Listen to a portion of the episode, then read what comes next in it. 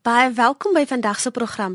Ons frekwensie is 100 tot 104 FM en jy kan wêreldwyd na ons luister by rsg.co.za. Ek is Anthea Adams. Onderwyserunies is altyd in die spervuur en meestal om die verkeerde redes.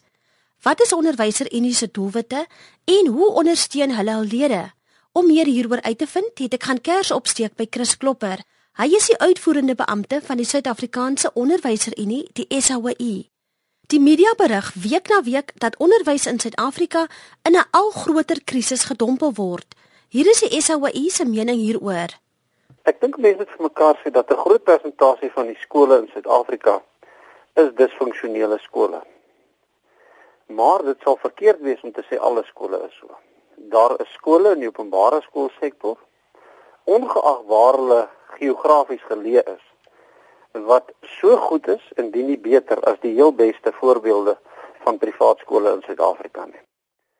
So 'n mens moet baie versigtig wees weet jy om met 'n teerkwas te sê dat die die, die onderwysstelsel is swak. Daar is elemente van hom wat swak is, maar om te sê alles is swak is nie waar nie want dit is regtig daar's ongelooflike groot getal toegewyde onderwysers in die stelsel wat steeds elke dag weet jy hulle heel bes te doen om die beste kwaliteit onderwys te verseker.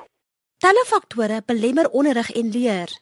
Kom ek sê eh, nou nou praat ek spesifiek van van van inligting wat ons opdoen uit gesprekvoering en vergaderings binne in die Suid-Afrikaanse Onderwysunie um, se strukture. Die eerste een wat dink ek is en daaroor moet 'n mens baie eerlik wees is dat by daai groot persentasie van disfunksionele skole in die stelsel is dit in die eerste plek die werksetiek van onderwysers wat nie op standaard is nie. Ek dink mense moet vir mekaar sê dat uitnemendheid is nie 'n saak wat jy net per toeval bereik nie. Uitnemendheid is 'n ding wat jy 24 um uur elke dag nastreef.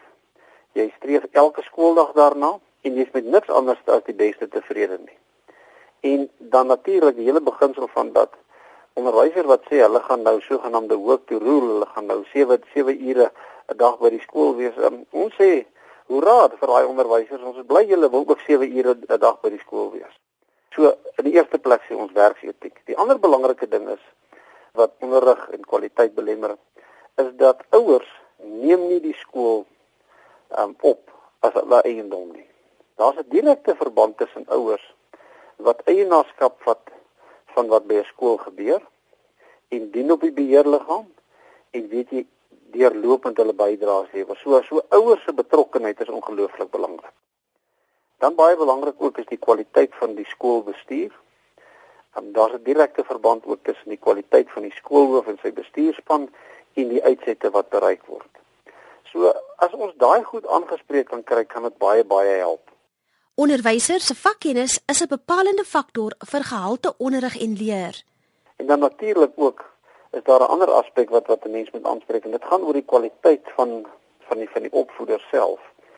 Um ons hoor toenemend van skoolhoofde in die sekondêre um skole wat sê dat die kwaliteit van die onderwysers se vakkennis is nie altyd op standaard nie daai diepte van vakkennis in veral die moeilike vakke soos wiskunde, wetenskap, rekenkunde en ekonomie. Um, daar is 'n gebrek aan werklike um goeie goeie kennis. En weer eens wil ek nie veralgemeen nie. Um daar is opmerkings wat gemaak word in die verband en ek dink dit is 'n saak wat 'n mens moet aanspreek want as jy dit nie aanspreek nie, gaan jy uiteindelik kry na vervlakking in kennis. As jy gaan kyk wat in die heel beste onderwysstelsel in die wêreld gebeur, en dis die Finse stelsel is dit baie belangrik om kennis te neem dat hulle minimum kwalifikasie is 'n meestersgraad. So wat daar gebeur is dat elke onderwyser is meester van sy vakgebied. En daarom kan hy of sy, weet jy, daai kennis baie baie goed oordra. Nou ek weet daar's mense wat sê dat um, hoe meer jy studeer en hoe hoër jy opgaan in die nagraadse se vakke, leer jy al hoe meer en meer van al hoe minder. Maar dis nie waar nie daar is baie baie te sê vir die feit dat vakkennis van onderwysers moet van die hoogste gehalte wees. Ek dink as ons daai goed kan aanspreek, dan kan ons al baie baie ver vorder. Hierdie streemende faktore kan doelgerig aangespreek word. Die onderwysdepartement en vakbonde per se um, kan baie bydra oor die vakkennis van onderwysers en dit is dat hulle kan in diensopleidingskursusse aanbied um, oor die heel nuutste kurrikulum wat nou geïmplementeer word. Hulle kan ook ehm um, weet jy langer kursusse aanbied. En daardeur kan jy kan jy dan die hele beginsel van gedragsmodifisering aanspreek en jy kan vakkennis aanspreek. Want dis een van die punte wat uitgelig is so ehm um, so week of twee gelede toe hulle 'n verslag van NIDO bekend gestel het Dr Nick Taylor. Nou NIDO staan vir National Education Evaluation and Development Unit. Hulle het 'n ondersoek gedoen by baie skole.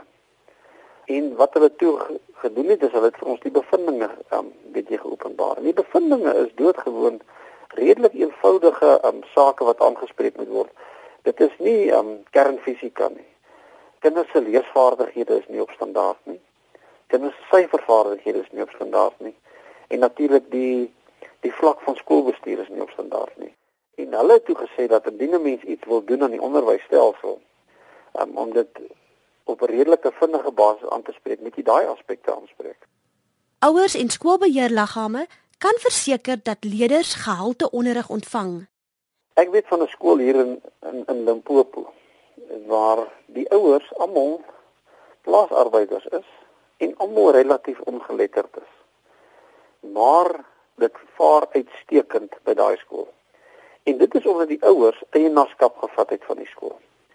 Daai ouers, as daar 'n vakature by die skool ontstaan op die onderwyspersoneel, dan soek hulle die heel beste persoon uit wat inpas by die gemeenskap, wat professionaliteit uitleef en hulle maak seker dat daai persoon voel deel en is 'n integrale deel van die gemeenskap. Die punt wat ek daardeur wil maak is dat as ouers kan verseker dat hulle die beste persoon aanstel om te voldoen aan die kurrikulumbehoeftes van 'n skool, dan lewer hulle ongelooflike bydrae. En dit moet jy stel teenoor skoolgemeenskappe wat eerder na sogenaamde ander faktore kyk voordat hulle 'n persoon aanstel. So in die eerste plek sê ek, ouers moet verseker dat hulle die onderwysers laat aanstel by die skool wat inpas by die gemeenskap, wat inpas by die waarde en norme stelsel van die gemeenskap. Dan verder is dit belangrik dat um, ouers deelneem aan die aktiwiteite van 'n skool. As jy kyk wat die ongelooflike positiewe effek is as ouers betrokke is en hulle kinders sien ma en pa is daar ja, by die by die skool, dan gaan dit ook sommer baie baie beter met die kinders nie net op in die, in die klaskamer nie, maar ook buite die klaskamer. Daar's ook baie te sê daarvoor dat indien skole verskillende programme aanbied, spreek hulle dan ook 'n klomp sosiale ewels ook aan. As 'n skool deel word van 'n gemeenskap en hy spreek daai sosiale aspekte aan, dan dan kan jy aspekte aanspreek soos dwelmmisbruik, dissipline, dis 'n groot probleem deesdae. Ehm um, tienerswangerskappe, dis 'n realiteit waarmee alle gemeenskappe sukkel mee. En daarom sê ons dit is die goed wat ouers kan kan aanspreek en wat hulle kan deel maak van hulle aan plig en en hulle verantwoordelikheid teenoor die skool. Die SOE het talle projekte wat poog om gehalte onderrig en leer te verseker. Ons probeer regtig um, op 'n jaarlikse basis vooraf bepaal waar ons dink onderwysers se groot behoeftes in terme van klaskamerpraktyk, klaskamermetodiek um kurrikulêre behoeftes um lê. En dan ontwerp ons kursusse wat ons dan uitrol in 'n bepaalde jaar. Soos byvoorbeeld verlede jaar het ons uiteindelik by 22000 van ons lede uitgekom. En ons glo daar's 'n direkte verband tussen daai kursusse wat ons aanbied, die bywoning deur die onderwysers en dan uiteindelik die kwaliteit uitslaa. Ons kyk ook jaarliks na hoe ons onderwysers se of ons lede se leerdlinge presteer teenoor die res van die stelsel. Daar's regtig um, 'n beduidende verskil. Um, SOE-lede se slagpersentasie in graad 12 is 96% teenoor die stelsel se 72%. En ons ons hoop en vertrou dit is as gevolg van die direkte intervensie wat ons doen. En ons glo as alle alle vakbonde dit doen, dan gaan dit werklik 'n beduidende bydrae lewer in terme van die kwaliteit van onderrig. Die SAWI se ondersteuning gee dryfkrag aan inisiatiewe wat op nasionale en plaaslike vlak uitgerol word. Wel, in die eerste plek het die minister van basiese onderwys 'n komitee geskep aan die Quality Learning and Teaching Campaign. Daar is so 'n tipe van 'n um, loodskomitee en die bedoeling is dat daardie kwaliteit leer en onderrig program wat wat van stapel gestuur is, moet plaasvind in elke provinsie. Hy moet plaasvind in elke distrik en dan moet hy weet jy af afwentel na elke skool toe. En die aspekte wat aangespreek word is presies dit wat ek en jy nou bespreek. Um, wat weer eens om die, om die woord te gebruik, dis nie kernfisika nie. Dit is doodgewoon te fokus op daardie aspekte wat universeel dwars oor die wêreld sukses in die klaskamer verseker. En ons dink dis 'n wonderlike inisiatief. Dan is daar ook die inisiatief van die onderwysdepartement wat werkboeke voorsien aan skole. Ook in al in omtrent in alle alle grade. En dit is aspekte wat 'n mens kan ondersteun en as jy daardie inisiatiewe gebruik ter ondersteuning van dit wat skoolgemeenskappe en en, en skoolpersoneel reeds moet doen, kan dit 'n wesenlike bydrae lewer. So gesels Chris Klopper, uitvoerende hoof van die Suid-Afrikaanse Onderwyserunie. Is jy dalk 'n lid van 'n onderwyserunie? Indien wel, laat weet ons gerus wat jou mening van onderwyserunies is. Jy kan SMS na 3343 en onthou dat elke SMS R1.50 kos. Ek gesels vandag met Chris Klopper. Hy is die uitvoerende hoof van die Suid-Afrikaanse Onderwyserunie, ook bekend as die SAOI. Die SAOI bied in Augustus vanjaar 'n werksessie aan vir skoolhoofde en skoolbestuurspanne. Ja, ons gaan 'n werkswinkel aanbied. Um eintlik vir nuut aangestelde skoolhoofde of vir lede van skoolbestuure wat aspireer om vir bevordering aansoek te doen. En ons fokus daarop vier groot areas. Ons fokus op die hoof as die uitvoerende hoof. Jy sal hoor ons praat nie van hom as die uitvoerende bestuurder nie. Ons sê die hoof is die hoofprofessionele opvoeder by 'n skool. Ons praat van die hoof as finansiële bestuurder, die hoof as menslike hulpbronbestuurder en dan die hoof as kurrikulumbestuurder. En wat ons probeer doen is ons probeer die mondering van 'n hoof op 'n gebalanseerde wyse aanspreek sodat die hoof in staat is om op daai vier hoofterreine weet jy te kan fokus en die beste leiding aan sy sy skoolbestuurspan te kan gee. Maar wat ons nou gevind het is dat baie van die skole wat waar ervare skoolhoofde nou al is. Hulle woon dit ook by maar hy bring sy hele skoolbestuurspan na hierdie werkswinkel toe. En wat ons gedoen het is ons het die heel beste skoolhoofde in Suid-Afrika geïdentifiseer om as opleiers en as fasiliteerders tydens hierdie geleentheid op te tree. En ons dink dat um, ons het, ons is nou waarskei leerkurwe, maar ons oordeel dit gaan uiteindelik 'n baie baie um, goeie bydrae lewer. En dan is ons ook besig om met um, met die, Suid-Afrikaanse Raad vir Opvoeders te gesels en ook met universiteite sodat ons daai kursus kan akkrediteer en later kan uitbrei om uiteindelik miskien dit oor 'n week aan te bied en in baie meer diepte op verskillende aspekte daarvan te fokus. Die werksessie is oop vir enigiemand ongeag lidmaatskap. Omtrent 'n goeie 30% van die persone wat ingeskryf het, um, is nie lede van die SAOU nie. En hoekom ons spesifiek gegaan het om dit ook oop te maak vir almal is om vir alle onderwysers die geleentheid te gee om dit by te woon. Um, jy kan kyk na die koste van bywoning is bitter bitter laag. Um, ons dek nie eers die koste nie, maar ons sê dit is ons bydrae aan die onderwys in Suid-Afrika om ook weet jy om te verseker dat kwaliteit onderwysbestuur sal plaasvind.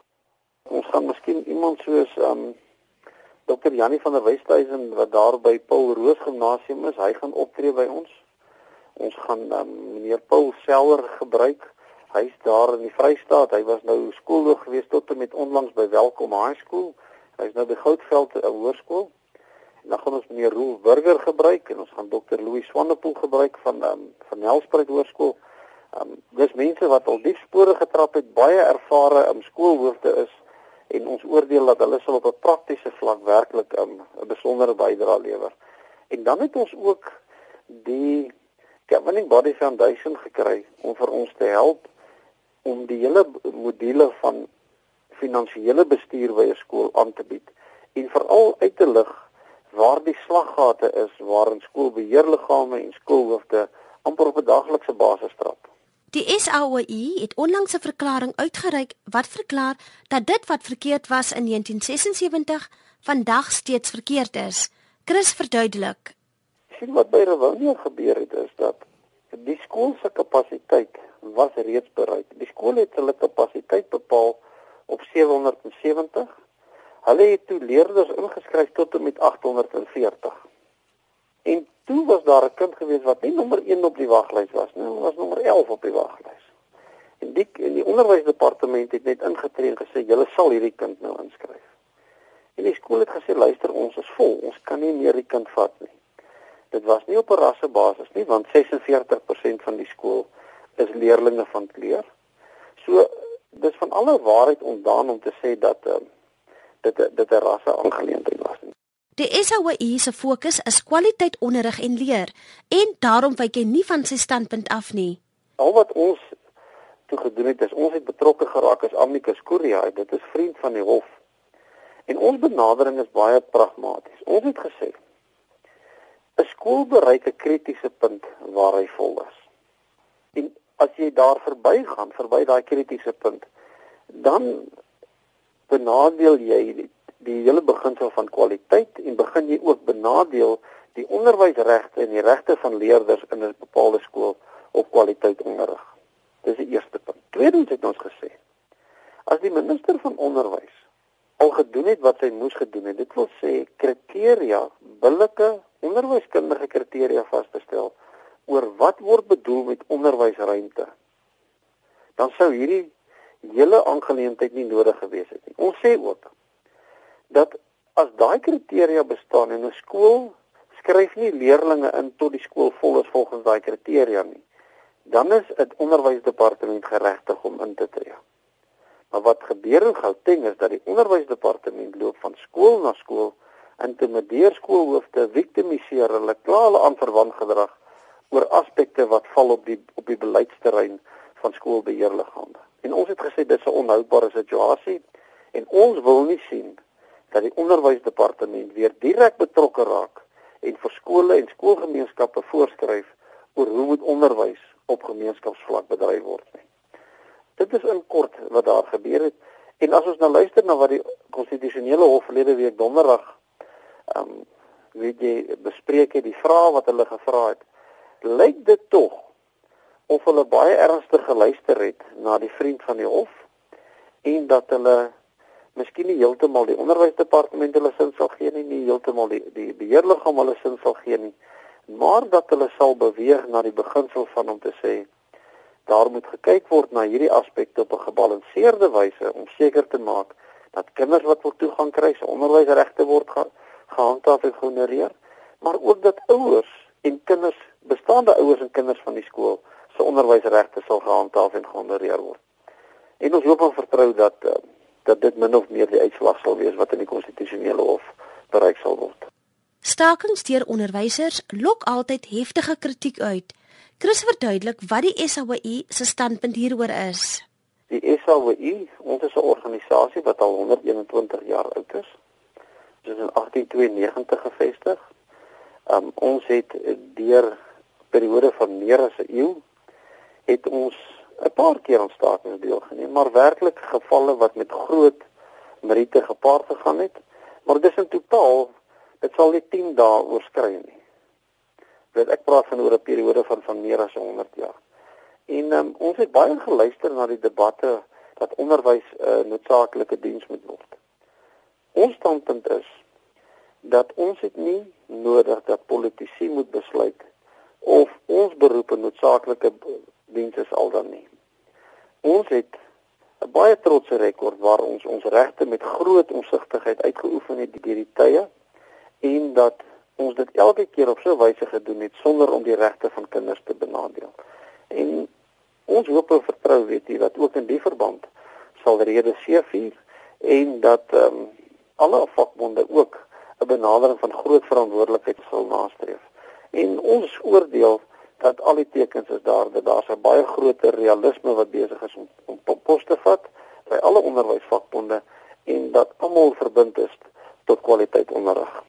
Die SAWI word verbind met kwaliteit opvoeders en uitnemendheid.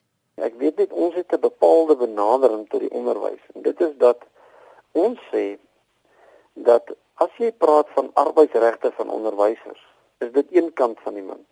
Aan die ander kant van die munt is ook die verantwoordelikhede wat daarmee saamgaan en dan die impak wat jou besluite het op die regte van ander rolspelers in die onderwys en meer spesifiek die die regte van kinders en van ouers.